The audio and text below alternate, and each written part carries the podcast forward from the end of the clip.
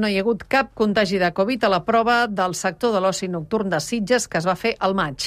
Aquest és el resultat de l'assaig clínic en què van participar unes 400 persones, entre voluntaris i treballadors de cinc bars musicals del carrer del Pecat. Anem cap a Sitges, Montse Gené, bon dia. Hola, bon dia, Marta. Aquest resultat servirà per fer passos endavant? De moment ja ha servit per decretar dilluns la reobertura de l'oci nocturn després de 15 mesos tancats, segons ha dit des del Departament de Salut el doctor Joan Colom, que ha valorat, a més, si es pot estendre l'ús del test d'antígens a qualsevol situació.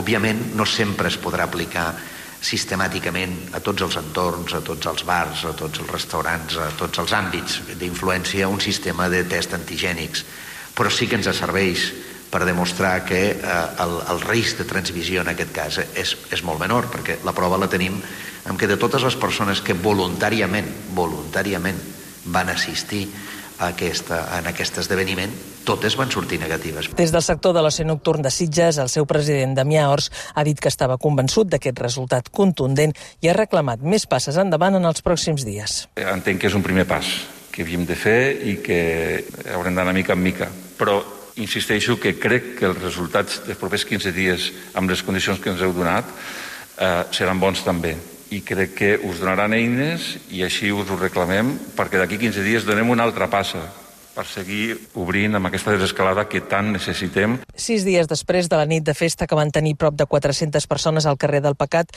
un 88% van tornar per fer el test d'antígens i cap va ser positiu.